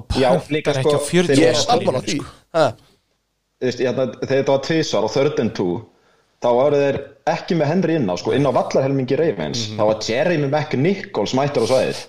Þú Þetta er all, þetta er all pro þú veist, 140 kílóa running back sko. hafði hann inn á allavega til að hóta. Ég er að segja Þú veist, þetta, þetta er bara ég skil þetta ekki sko. Ég verður er ekki að segja, Matti var að segja þú veist, ég, Það er ákveður þú veist, að þú hefur hann ekki, þetta gerist ekki báðum play-onum á second, second third. og svo fourth og betur Hann er ekki inn á vellin Þetta pöntarna, ég er sammála okkur, þetta stuðaði mann rosalega mikið. Og Reipur bara hann ég ætla ekki einu sem að segja að hann var af því að hann bara outcoachaði sjálfan sig. Uppáhalds tvitti mitt um helgina var hann að hann fór í viðtali fyrir að ég, ég, ég til ég að tjoppa að með titlingin til að vinna Super Bowl en hann ætlar ekki að go for it á fourth down og 40 í þetta veist, Nei, ég meina þeir koma líka inn í leikin bara drullu sterkir, komast 10-0 yfir og hvað gera þeir í síðustu þrejum leiklutunum? Þeir skora eitt fíldgól já. En ég bara, en, þú veist, við skulum samt að þetta er alveg rétt sem að, sem að hérna Valur er að segja, ég meina vörnin allt í einu hjá Baltimore sem er búin að vera fyrir eitthvað slög, byrjaði vel, varð slög hún, þeir gerðu gríðarlega vel í þessum leik. En gefum Lamar Jackson það, hann á tvö alveg svona bara wow play í þessum leik. Já, ég meina hann á eiginlega þrjú, að því að eitt af þeim er þetta interception sem er sennilega lélegasta sem ég sé það bara alveg sko. rétt, já, ég var búin að gleyma ég var búin að gleyma þess Já. það kast. Það var fræðilegt kast. Malcolm Butler bara, ég? Og að því að sko hann hafði ekki nefnum svona sjö hjarta til að henda út fyrir hann hægra megin. Já. hann hendur í inn, þetta var gali kast. Hérna, en tvö hlaup frá honum sem hann bara algjörlega, hann gorgeous basically gjörsamlega, sko. lið á herðar sín Já, og pressan utan á það hvernig geta þeir bara tætansvörnin náttúrulega er bara eitt að slappasta í veröldinni sko. Þú veist það það er bara engin pressa þú veist þeir bara Nei, þeir náðu Ég er Ha, Þeir náðu þarna ég veit að maður er með 136 hlaupahjarta sko. Matti, Já, þarna, í- þeir náðu honum í fyrra áleik en svo bara, eða þannig að í fyrsta leikluta þetta var sko, hann var sakkaði 19 sinnum á árinu en fjóri sinnum í fyrra áleik á móti Titans. Já, mitt veist, en, en þú veist bara þetta er svo mikil klísja þú átt ekki að kótsa til að tapa ekki þú átt að kótsa til að vinna. Og þú veist, Vreipul var eins og, eins og hann var bara að kótsa til að tapa sér minnst. Já. Já, Þetta var bara, sko, samt í þessum leik maður hefði haldið að báði þjálfararnir væri bara aggressífir því að þeir voru náttúrulega öskrandi á hvern annan þannig að í fyrra árinu. Svo voru þeir alltaf um bestu vinnir, þá komu leikmennir og fóru að vera hundleðilega við hvern annan. Vist, þannig að þegar að uh, Ravens inta tanni heilann á túminnitrill í lokin fara og dansa á logoinu og svo þegar leikurinn er búinn þá því. ekki fyrir sig. Já, gera já allt ljótt við þetta merki sem þeir gáttu Lama Jackson hljóp beint út af þarna Þakkaði ekki Ég fyrir böggaði mig svo mikið. Ég veit að ég er sammálaði, mér finnst Þetta, já, Er- Vertu meiri keppnismæður en þetta. Þú veist, Þetta er ekki einu sinni sniðu þetta að fyndi Svo þurfti hann að fara aftur út í viðtal Þetta var hálf astnalett sko. hljóp út inn í göng og svo, herru, nei, shit, ég er kortibak ég þarf að vera í viðtal, skokkar eitthvað tilbaka sorry, ég veit maður á ekki að láta svona hluti fara í sig, en þú veist, come on maður, það er verið að verið að halda úti íþrótt hérna, síndu smá mei, það er meira að sokka og að að taka í fara einmitt og taka í spaðan á liðinu og segja bara tróðið þessu, Já, bara er skíti Já, bara, þú veist, já, nákvæmlega, njóttu sumafrísins ekki, þú veist, ekki, ná, já. Getur ekki farið neitt. En, en, en Titans er með eina bestu sókn í deildin og er búin að vera með all, allan vetur. Og svo núna klikkaður og þið klikkuðu líka leiknum á móti pakkis fyrir ekkert svo löngu. Þurfa þeir ekki að fara svolítið að eða, veist, hvað þarf Titans að gera? Ég meina, eru ekki með allt til að by- byggja og þurfa náttúrulega að bæta vörnin og passrössit Ég held að, hana, held að Arthur Smith þurfi aðeins að hugsa sinn gang af því að það gekk ekkert upp í honum. Ég menna hann er búin að vera í coaching-viðtal eftir coaching-viðtal um headcoach-stöður svo fer ég fyrsta playoffs-leiki en þú gerir nákvæmlega ekki neitt. Og þú ert að segja, jújú, jú, Baltimore stakkaði bóksi á móti Derrick Henry. En þú veist, við vitum, eins og þú segir, við vitum hvað Derrick Henry er. Hann er 140 kílóa bara karlmaður og gefst ekkit bara upp á hlaupaleiknum viku eftir að hann hleypur 250 hjarta og næri upp í 2000 hjarta tímabil. Þá er eitthvað þá að- hlýtur að eiga eitthvað pleikóli í rassvasanum sem að opnar fyrir Derrick Henry, af því að við vitum líka allt play action í sambandi við Ryan Tannehill þegar hann er góður, þá er það þegar að þið ná að laupa Mér finnst þetta, ég er meira pyrraður út í Titans að því að mér finnst Ravens fínir en það meika líka ekkit sens með að við komum fannst Ravens góðir að þeir hafi unni með einu touchdown. Sammála þínu blá En, en líka annars samt með Titans. Eða það, ég tók óvísinleik brann inn í því, uh, með Titans líka, það sem pyrrum líka með það ok, þeir eru með AJ Brown, hann er með eitthvað 8-10 okkar hjarta og touchdown. Byrjaði mjög vel já. Byrjaði mjög vel, þetta er þræta fyrir þetta sé Já, offensive best fyrir veist, allan, það er það er það allavega, hvað er Johnu Smith? Já, já, Ég er ekkert að segja hann Corey hann Davis æfði sé- ekkert alla vikuna. Hann var bara, æfði ekki og var síðan aktiv þannig að kannski var hann ekkert nógu góður, ég veit það ekki. Anywho, ok, allavega. Hvað er Corey Davis? Hvað er minn maður það Corey? ég er alltaf að segja þér að Corey Davis sé. Hætt að segja, hætt að láta þess að ég sé einhver fucking fanboy fyrir Corey hann fekk Davis. svær tilöðun á sig. Ha, hann hann var hendur tvisar á hann Já, veistu, já, en það er okkur punktum. Ef Derrick Henry er ekki að virka þá fer þetta bara í eitthvað í svona, í, í, eins, og, eins og hérna hvað er ekki, sportriki sem að stingur sjálfan sig þegar hann fyrir panik eða? Þetta er bara nákvæmlega það. Corey Davis er náttúrulega bara afrits vætri sífi sem átti ágætist tímabili þegar það, þarfst að fá cash money skilur þú veist, hann bara áttaði sig á því herru, ef að ég ger ekki eitthvað á þessu tímabili þá spila ég eitt aftur í þessari deild, let's go í alvegni, það er bara það sem Corey Davis er svo kemur hann á næsta tímabili og þú gleymir honum það er enginn að fara að drafta hann í fantasy já sko. en svo verður líka tala um Tannehill en hann enda með 175 hjarta sko Vist, hann er bara svo mikið undir því komin að Derrick Henry sé að minnsta kosti Já, afrits já, sko, já. sem hann er ekki sem hann var ekki þetta ég, hann vantaði bara allt play action einhvern veginn Allt saman. það er bara, þú veist, út af því að þú dregur þá allavega vörnina niður en ég en, Ra- en það Ravens að losna við þetta djöfisist tætast já, já, það, það mála halda því fram. En Ravens er lið sem að enginn í EFC vil mæta. Það Já, það, það Já, er það gang. þú veist, vörnin þarna er með hlaupaleik og ég ætla bara að benda á það að Bill sem er með slaka hlaupavörd sko. Og þannig að þeir ábækla skjálfa beinum sko. Ravens vörðin náttúrulega er ekki búin að vera neitt sérstaklega góð bara sí, síðar í hluta Nei. tímabils Ég ætla alveg að maður er mjög spenntu fyrir þessum leiki næstu fyrir Já. Ravens, Já, Bills. Segðu þið Nei, jú, Ravens Bills, jú. Jú. Uh, Haldur á Ég var til í það maður. Ekki. Jú, tölum um eitthvað skemmtilegra. Já, Næsti leikur Þetta var smá svo vombriða leik Þetta var skemmtilega að þetta var fyndið með sjónsústinguna uh, New Orleans Saints. Nei, já, þessi leikur, ég var að tala um Ravens. En, já, leikur. Enga, ég býtu bara, við myndum þarf að taka rúsínan í pulsendunum New Orleans Saints 21, Chicago Bears 9 þetta Nikola Lótium dæmi getur ekki að halda áfram. En byrju, hvað? Þetta er, ekki, nei, þetta er ekki gert fyrir þig Þú mátt ekki gleyma Þú veist, Þetta er gert fyrir sex ára krakka sko, og fyr, ég sá hann að touchdown dæmi og ég var einmitt að hugsa ef maður ætti sex ára krakka sem væri að horfa aðra útsendingu en ég djúvillar er gaman hjá honum. Ná að tala viti alltaf fyrir mér í alveg, þú veist, eitthvað svona ruggla á baku boltan Slime og. Eyes og, og Spongebob og eitthvað, er Var ég að horfa aðra útsendingu en þið? Það var, Nei, það var í líka Það með var í útsendingu. bóði, já, ég, ok, ég, ég hef nú alveg hort á það. Það var fullt af fólki sem voru að horfa á þetta og var að segja að þetta væri bara snild sko. svo var hann hérna, ég man ekki hvað hann heitir að lýsa þessu sem er bara einn efnilegasti lýsari Börlisson Burleson. sem er frábær. Þú veist, hann er er sér frábær. lýsanda á svo Nickelodeon. Þessi Good Morning Football þáttu. Hann er Já, geggjör ég meina, hann, er, hann er frábær hann er mjög skemmtilegur. einasta degi er það að finna ykkur umræðum til að tala um og þetta er skemmtileg þáttur. Já. en, uh, Já, og ég, en þessi leikur maður, strákar New Orleans Saints, Chicago Bears það var 7-3 í hálfleik. Ég bara, ég setti á Twitter og eitthvað ég var bara, þú veist, alltaf seint í alveg að gera þetta?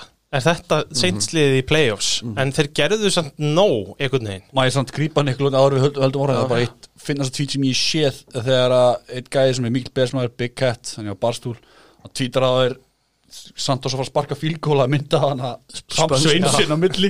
If the Bears miss a kick with this shit I'm going to lose it. Þetta er svo fucking rétt veist, Hversu pyrrandi er að mæta sent sig ykkur svona aðstöð Já, allan, já, haldur hann Nei, þú veist, mér fannst bara seint, ég, ég hafði bara stórfældar ágjur af þess að því að Chicago var ekki að gera neitt í þessum leik en var samt að hanga inn í honum Mhm. einmitt í 7-3 stöðu. Og við skulum ekki gleyma því að undir öllum kringustæðum ef að Marcus Valdez Scantling hefði ekki sendt heilabilinuna yfir á Vims Mhm. gæjan sem hann lét henda sér út af síðast þegar þeir spilaðu á móti Saints. Mhm.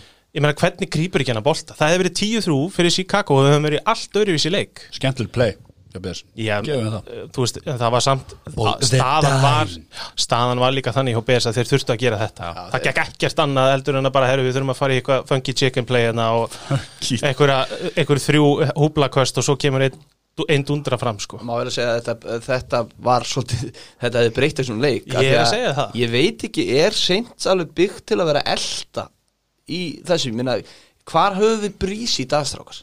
Hann hefur slantboy allan áður Er. Lönguboltanir hans er eins og loftbylgi sko. þeir fljúa bara eins og gasblöður einhvern veginn, þeir eru mjög skrítnir og mjög, bara svona fljóta, þeir eru hægir og, eh, en sko ég held líka, ég meina, Tómas hefur ekkert verið að spila, það er gott að þeir fá það eru þeir eru mjög hefnir að fá Bers í fyrstum umferð. Ef þeir hefðu fengið eitthvað almennilegt lið þá hefðu, og bara bara Rams eða Seahawks þá hefðu verið í bullandi vandræðum í þessum leik? Sko, ég, ég er samanláð, ég nefndi það sem við vorum að horfa, þetta er svo góðu leikur fyrir það að koma sér í gýra þess aftur og þetta er sigur út komin áfram í play-offs.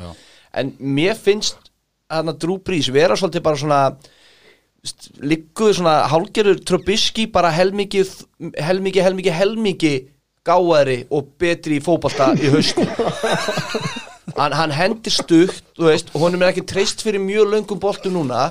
Hann á að game manage þetta en hann er bara svo ógæðslega klár í haustnum að hann kemst upp með að vera ekki henda þessu löngum bolta, skiljið hvað ég meina? Já, þeir eru líka bara þeir eru bara svo vel mannaðir þú veist, third down virðist ekki vera neitt vandamál fyrir þá.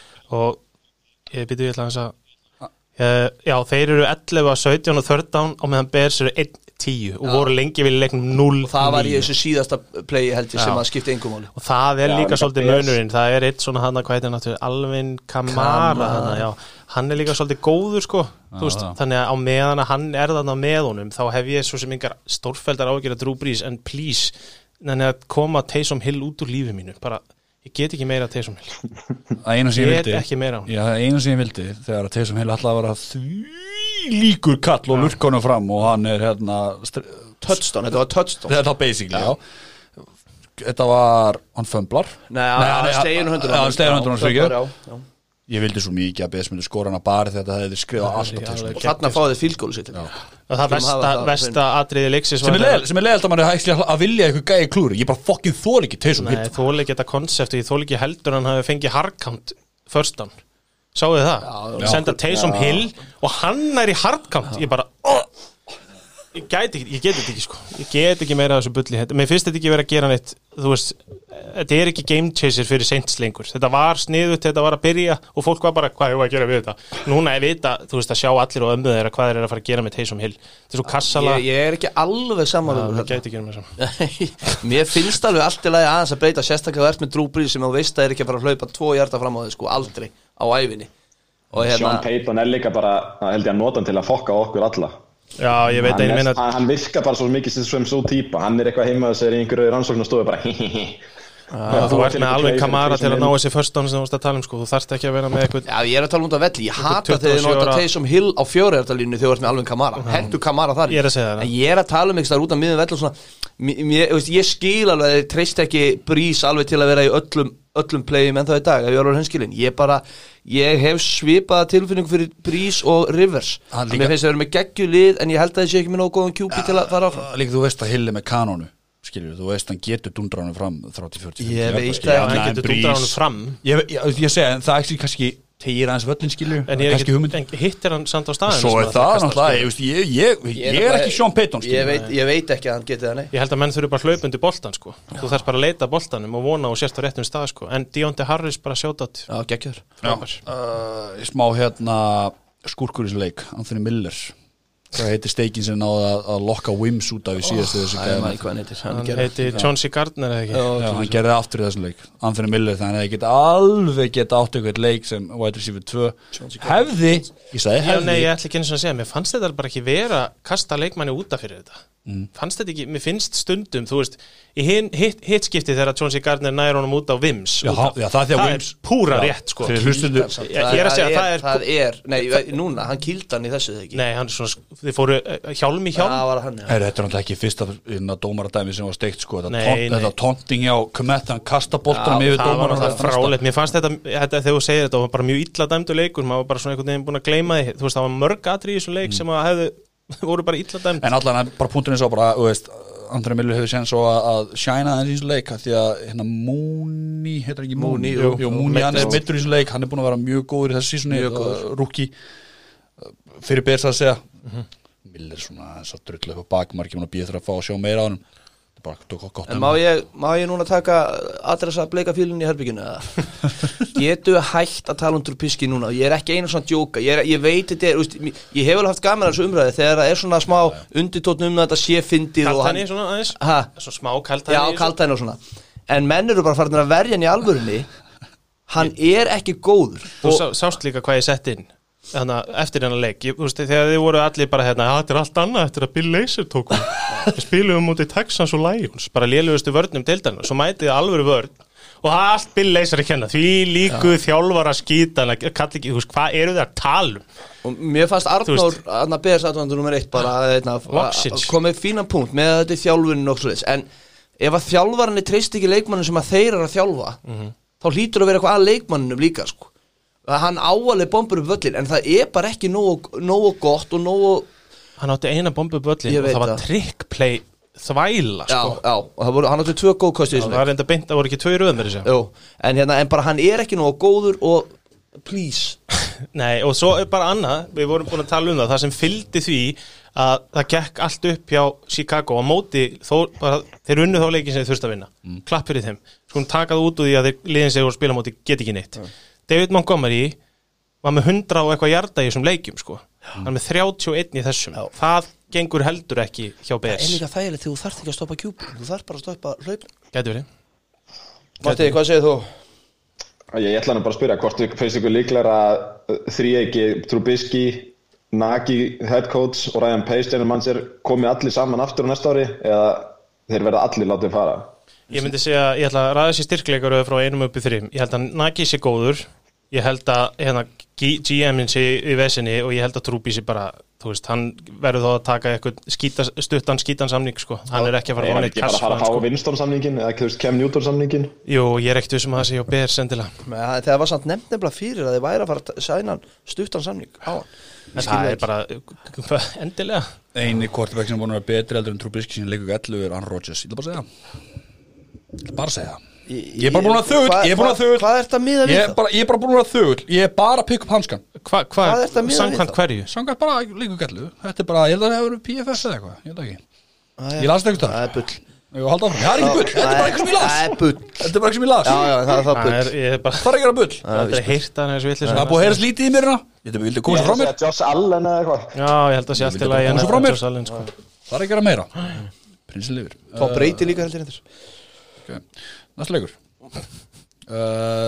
er ekki uh, Betri, já, hérna. talandi um að grafa sinni einn gröf. Já, kallið minn. Pittsburgh Við áttum að, við áttum að láta vita. Bara við erum að fara í stílustleikin strákar. Ef þið vilja hætta núna. líka síjók sem við gleymdu því já, Já, nei, nei, ég ætla ekki að láta neitt vita. Þegar fara í gennum þessa kvöl. Pittsburgh Steelers 37 Cleveland Browns 48 Matti minn, vilt þú uh, eiga the honors uh, Titliði og alltaf Því líka Sko, þetta var algjör snild Ég var að nætuvakt og símið minn í vasanum bara titra á fullu og ég fastur upp í krana og get ekki skoða neitt.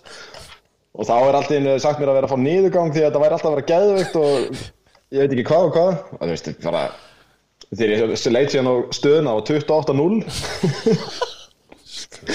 fyrsta leikur þetta ég veit ekki hvað þú veist, hvað er þetta að hafa mér hana en því lík snild að fá þetta 28-0 eftir, 8-0 Í fyrsta leikur eftir einhverjar nýju mínútur eða sko.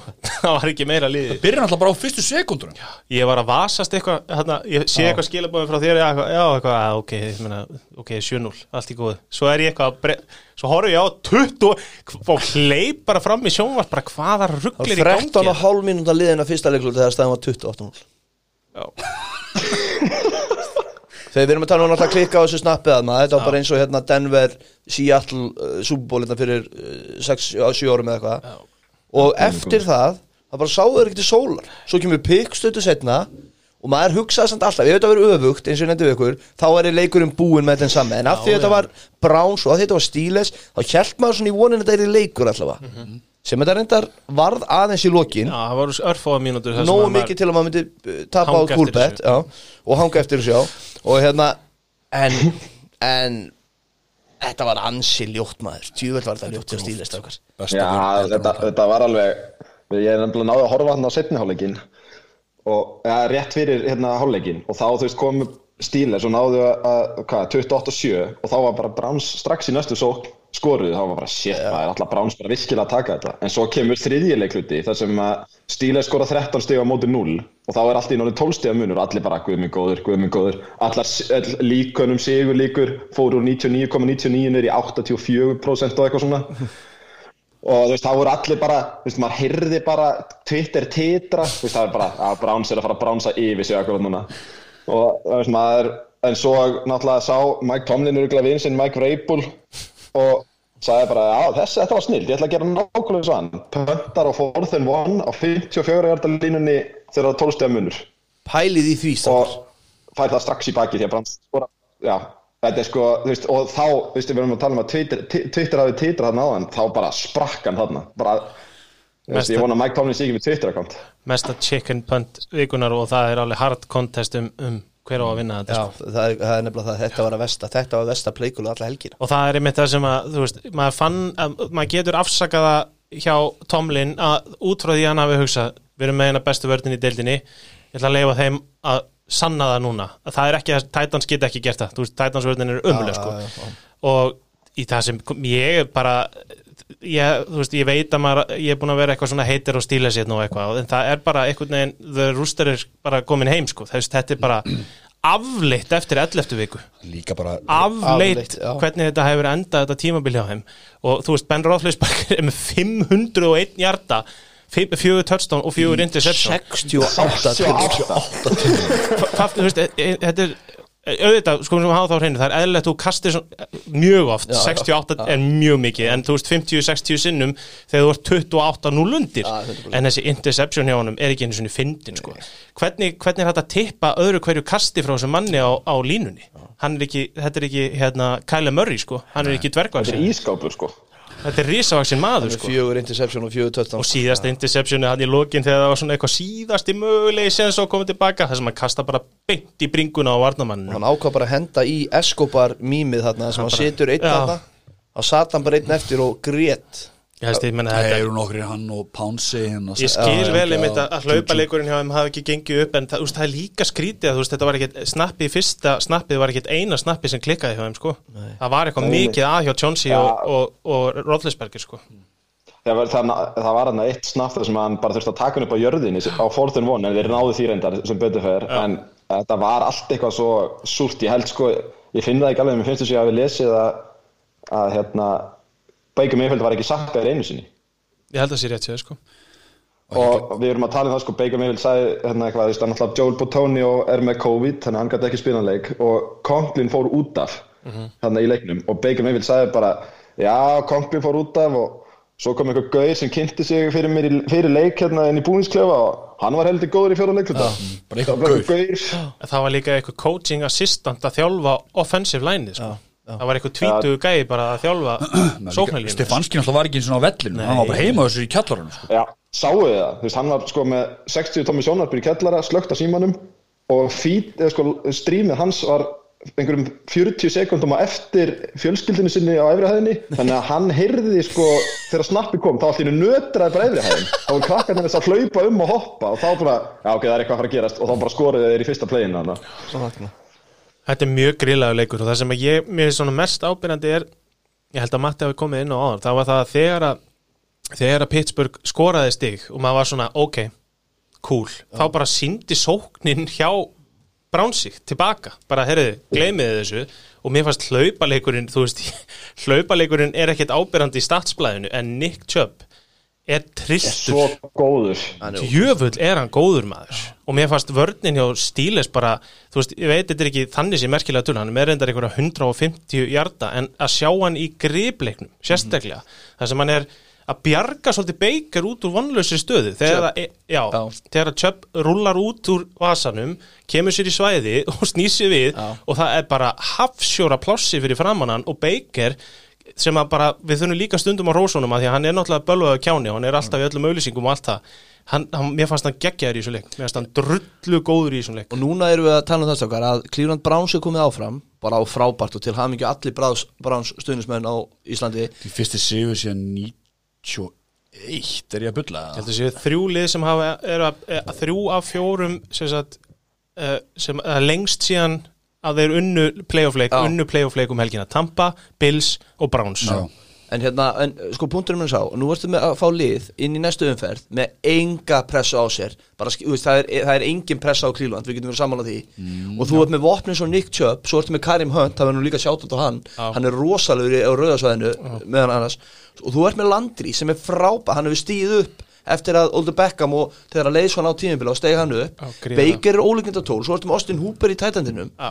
þetta er alveg lið sem að gæti stríkt öllum segja mæta. Og líka sko, Mæ- Mæta náttúrulega Kansas City sem elska að- að að gefa þér stig í byrjunleikja já, öðrum fórskót og elda Já, ég, ég skal við ég var alveg, alveg orðin frekast peppaði fyrir Kansas Ravens, ég, skal, ég var búin að reikna með því bara að Kansas myndi mæta Ravens fyrir þetta. En Kansas uh, Browns getur alveg hörkuleiku líka.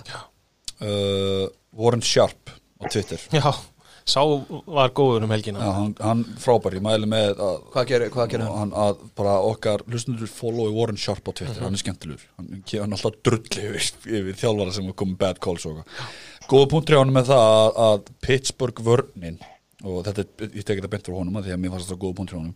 Uh, þeir nota alltaf linebacker til að covera slottur síður í staðið svona safety skilur, sem er alltaf safety er oftar en ekki hraðar en linebacker. Jarvis Landry var að leika sér í slottinu þetta, þetta, þetta er svona dæmið það hvernig bara Browns gerðu hárrétt þau komið þessu. Já, þegar þeir, þur, þegar þeir þurftu Þeir fóru þarna í landri á svona svona playum sem að greinilega við vissu að myndu örgulega virka svona high percentage plays. Því að þannig að í þriðarleikluta þá voru þið með 2-3 third and out sem tóku sko 45 og 117 sekundar á klukkunni.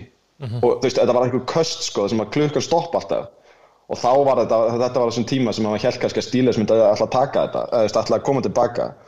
En svo sem betur fer adjustaði special teams koordinatorinn sem var head coach og þetta þetta er svo súrisk aðstæð Þetta er mjög skrifnar aðstæður, já. Skilju, að þetta gerist og hérna Chase Claypool fór nú einhvern stórun á einhvern strími Matti, hvað hva sagði hann til Claypool? Hann var að bara, þú veist, á meðan við erum að taka upp þá kom þetta, þessi klippa hann segir, bad loss, but the Browns are gonna get clapped next week, so all good. Veist, það er svo erfitt að þykja sko, að fíla þetta stílarslið þetta er eitthvað svo miklir hrókagikkir eða eitthvað, ég veit ekki hvað orðið ég ætla að nota en þetta er Bara leikmenn, leikmenn. Get out of my life. Það, það, það þarf ykkur að taka internetið að Juju Smith þessum gæði með næstu, næstu ári sko. Talandi um það, sáu þið það sem hann gerði í fjóruleiklu Nei, ég mista því Þegar hann dansar á milli play, að svo stóða Matti? Nei, hver, Juju? Það er myndbóðin netinu sem þetta, ég held ég sé ekki fæmur ámál, þetta er fourth quarter þegar þetta á sér stað, þeir eru að tapa náttúrulega en það er ekki í vanlega stöðu allavega. Og þetta er á milli playa, þetta er bara í miðju dræfi hann tekur eitthvað svona dansmove og svo stilla hann sér upp skilur veist Nei, ég veist, ég bara, ég myndur ekki vilja að star receiverinn í þessum bara í þessu liði en væri jú, bara drillaður inn, skilur, Jú, bara jú. hefði fokk við þurfum að laga þetta en, en svo ertu líka með að þetta eru gaurar og ætlar að breyta þeim mikið. Þetta eru þú veist íþróttamenn sem hafa komist þetta langt kannski á því að vera líka villisingar skilur hvað ég menna er maður að breyta þeim alveg? En þarna, ég er alveg sammálega sem er gleita þú, þú þarft að hafa kontról á sjálfum þér og bara lesi aðstæður sko. Mm. og mér fannst eins og Juju þegar neðra þessum helvítist TikTok myndböndum og eitthvað hérna, fyrir leik og dansaldu vellinum. Þetta er bara stuðum og ég veit ég er ég, gamall maður. Já, ég, já, ég held að allir þurfa að fara að hitta val einhvers staðar þegar hann er að öskar á skíin Herru, hérna bara smá hérna ein, ein spurning sem fengum hérna að senda okkur hérna Sævar, hvaða lið, hann enda spyr eh, hvaða lið, eh, þurft, myndi haldur um öðru lið en það sem við haldum við núna, hvaða lið væri það? Ég ætla aðeins að fá að breyta þess og segja hvaða lið berið taugar til. Þetta er skemmtilega pæling, því það, er alltaf að bera taugar við höldum okkar liðum, skilur við alltaf að bera taugar til. Tölið hjá mér, ég hérna hugsaði þetta og það er Bills náttúrulega mjög ábyrrandi hjá mér og þýr allavega. Uh, ber mikla tökja til Bills eftir hérna, hvernig það hefur snúist hjá þeim. Og svo hefur alltaf einhvern veginn verið alveg ferlegur Chargers maður í mér, ég veit ekki hvort ég hata sjálf mér svona svakalega mikið sko.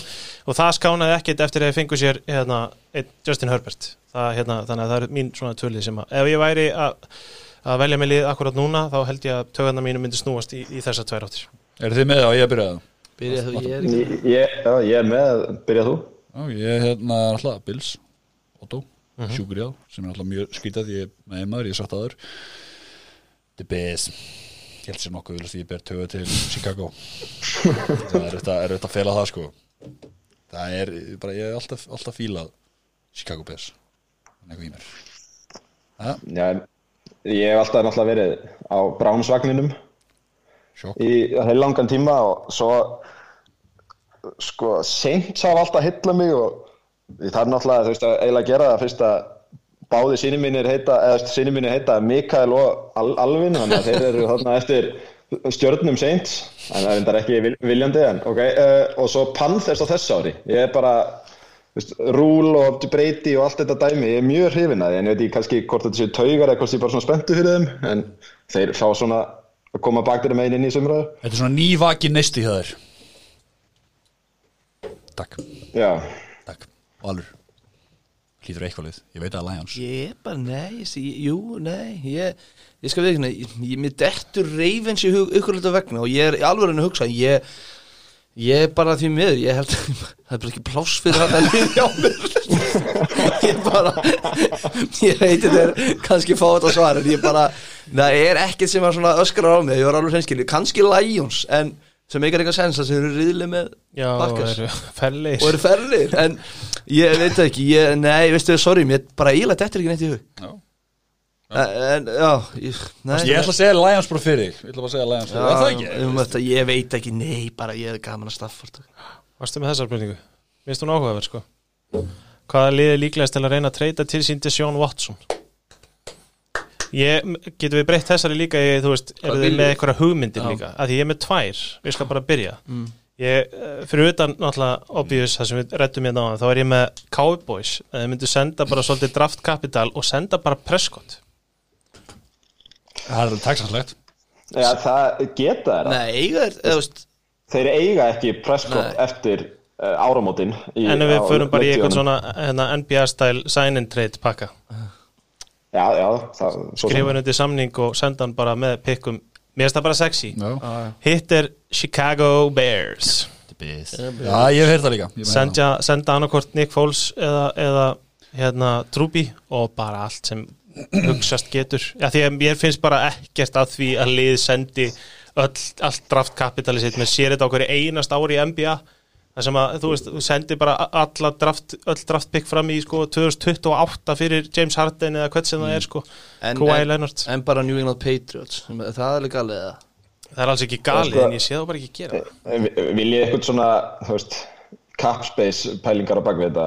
já, ég menna þú veist. Patriots eru í fjórða eða mesta kappið E- Já, þú veist, Bears eru sko í mínus akkurat núna og, bara, og held ég með fæsta leikmenn á samning á næstar eru bara með 35 gauðra. Það er sem er, sem er fáránlegt. 8 titans. Ég er en já þú veist sko það komið þú veist hugmyndir bara svona til að bæta ofan þá hefur hef ég séð eitthvað svona 49ers í þessar umræðu því að Jimmy náttúrulega kostar eiginlega ekkert að kötta hann.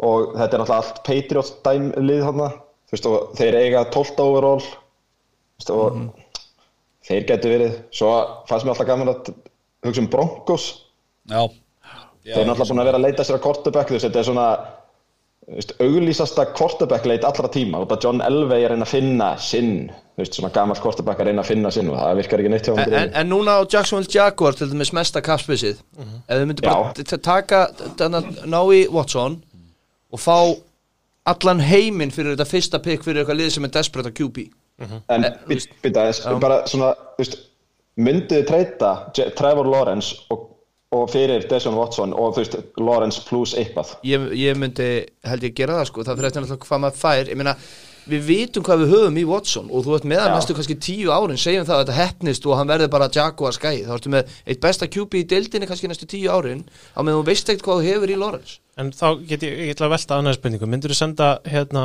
Justin Herbert og fullt af draftkapital til Texans? Sko, ég- það verðmætasta Nei, sem já, þú átt í NFL-deildinni. Ég veit það, en það verðmætasta sem þú átt í NFL-deildinni er QB og QB samning að því að þú getur hrúa í kringum hann leikmunum en að þið eiga svo gott space sko. En ég er að segja, ef að Jaguars, ef að Trevor Lawrence er það real deal, skilur við, og allt draftkapitalið, þannig er líkil atrið þessari setningu ef mm. því við vitum hvað við höfum í Ég bæði Herbert og Watson en ég, ég skil þú veist, sko, við erum já. 80% á því að Trevor sé allavega yfir miðlungs quarterback. ég, er- ég veit ekki neitt sko. Ég, ég sé eitt leik með hann og ef ég myndi bara með hann þá myndi ég ekki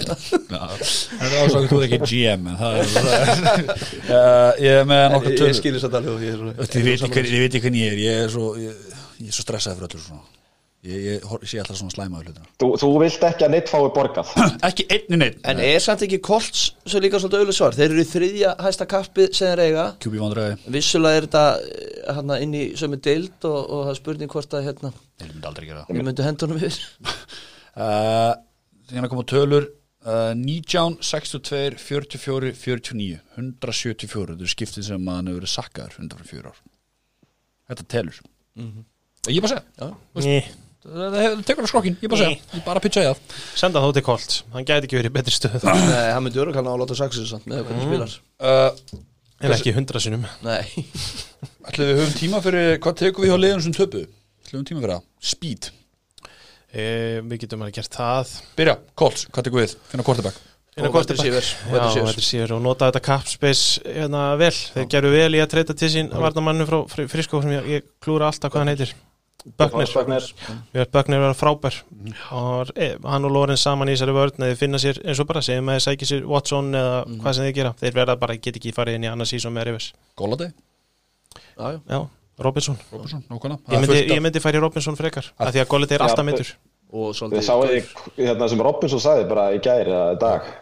Hann var eitthvað að tala um, að, um free agency og hann sagði sko, hann var eitthvað spurður út í Bears, þú veist að vera áttur áfram, hann sagði, já, mér finnst þess að við hefum nú getað gert, búið til einhvern samning á síðasta árinu, þannig að hann virðist vera á leiðin í burtu. Það vona það. Það er fínt. Næsti, Seahawks. Það er sóknarlína, sóknarlína, sóknarlína. Nei, tíunda ári eru Já, einmitt, bara sóknarlína, adressiði sóknarlínuna. Gerið ykkur smá vasar fyrir Wilson Þannig að hann sé ekki að, hlaupa fyrir lífið sinni hvert eina skitt sem að fá Kanski Ég bæta vil bara rætt að takkur sprengja upp sóknarleikin, staffið og allt dæmið sko. Ekki, ekki losa sig við leikmenn, heldur bara endur hanna sóknina. Er ég ósakjart til að segja draumurinn minn er að losa sig við Pete Carroll Nei, Á ég, einhvern ég, annan ég, var, þjálfara. ég var að hugsa um Komum þetta tími veist, ég skil alveg sentimentallega á bakvið að vera með Pete Carroll Hann er frábær Já. þjálfarinn, hann er 72 ára Er sko. ekki nýbúin að skrifa til segja það það er alveg ferlegt sko. Ég meina hann er að fara að hlaupa meira. Þeir eru bara með dýrasta handoff quarterback í deildinni sko. Já, ég veit Ekki hægt. Með næsta, Næsta, Washington Football Team bara áfram. Bara Halda skriði, byggja Finna Já. quarterback. Finna góða leikminn í draftinu.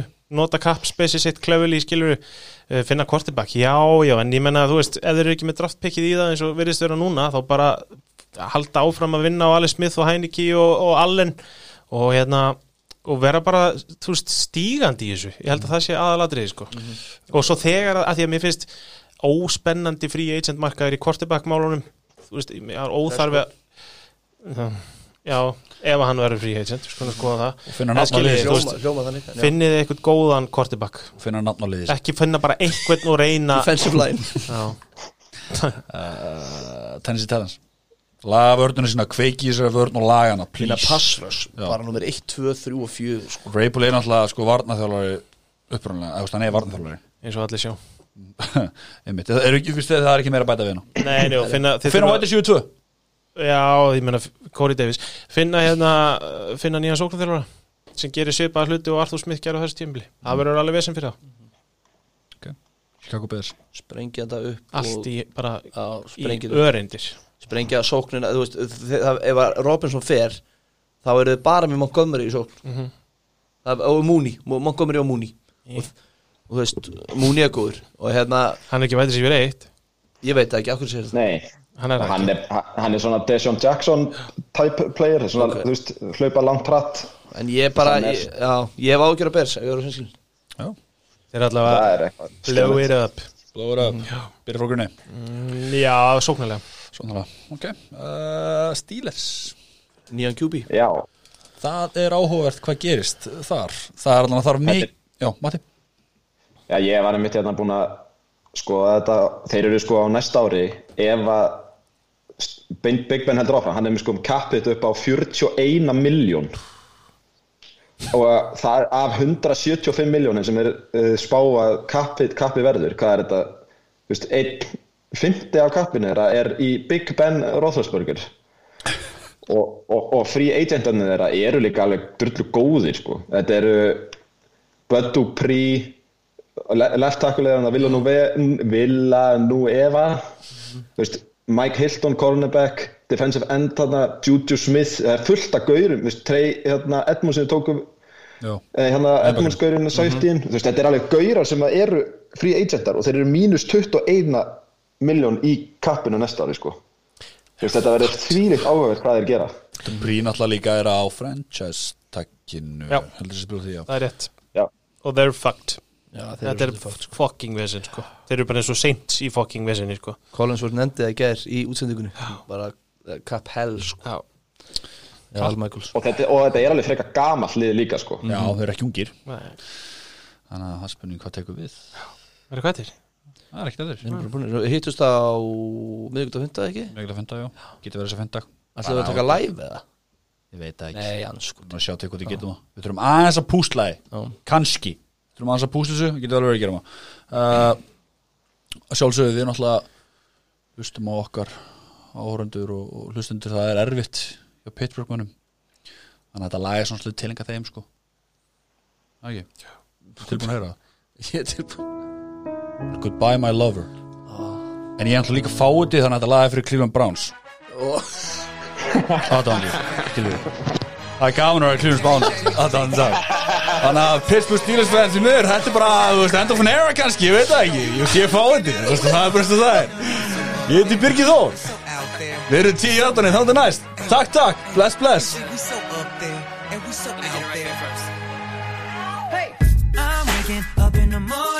hustling to the stage and performing, bustling through the hate and busting the door.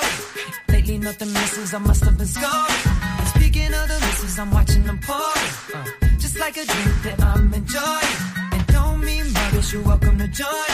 Just look at me sorry, feeling like joy.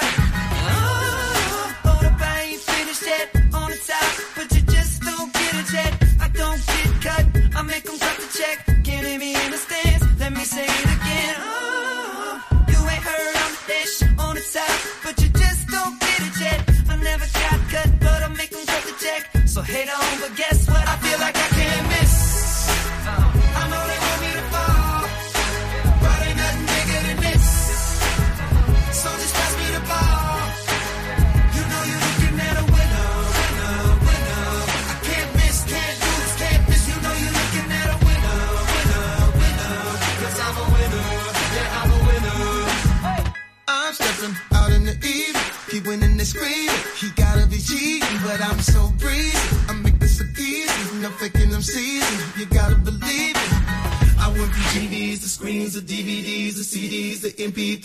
MP3s. I got no time to talk in this boring.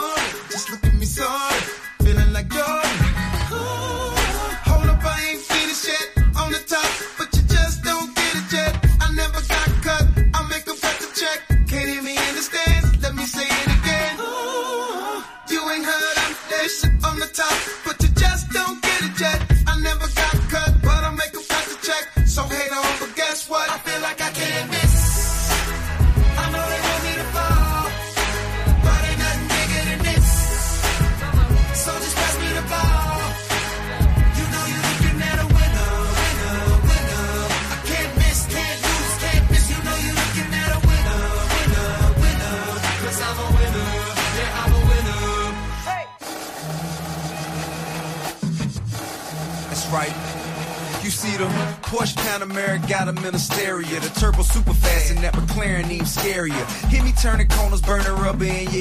I'm hard to follow once I pop the clutch and hit the throttle. I'm recession proof. I don't run the money, money run to me. In this economy, guess I'm considered an anomaly. Bugattis, Maseratis, new Ferraris, I got one of these. My future bright tight like the got in front of me. Turn pain to progression in every studio session. Passion into perfection, to failure, I'm an exception. You wanna lose, the battle me is a blessing. You couldn't die the hands of a better man. I ran from the bottom to the best, no auto tune. Been in the lead, say you seen King follow whom? Never that. I'm the freshest, go ask whoever that. King back, money long as an old Cadillac.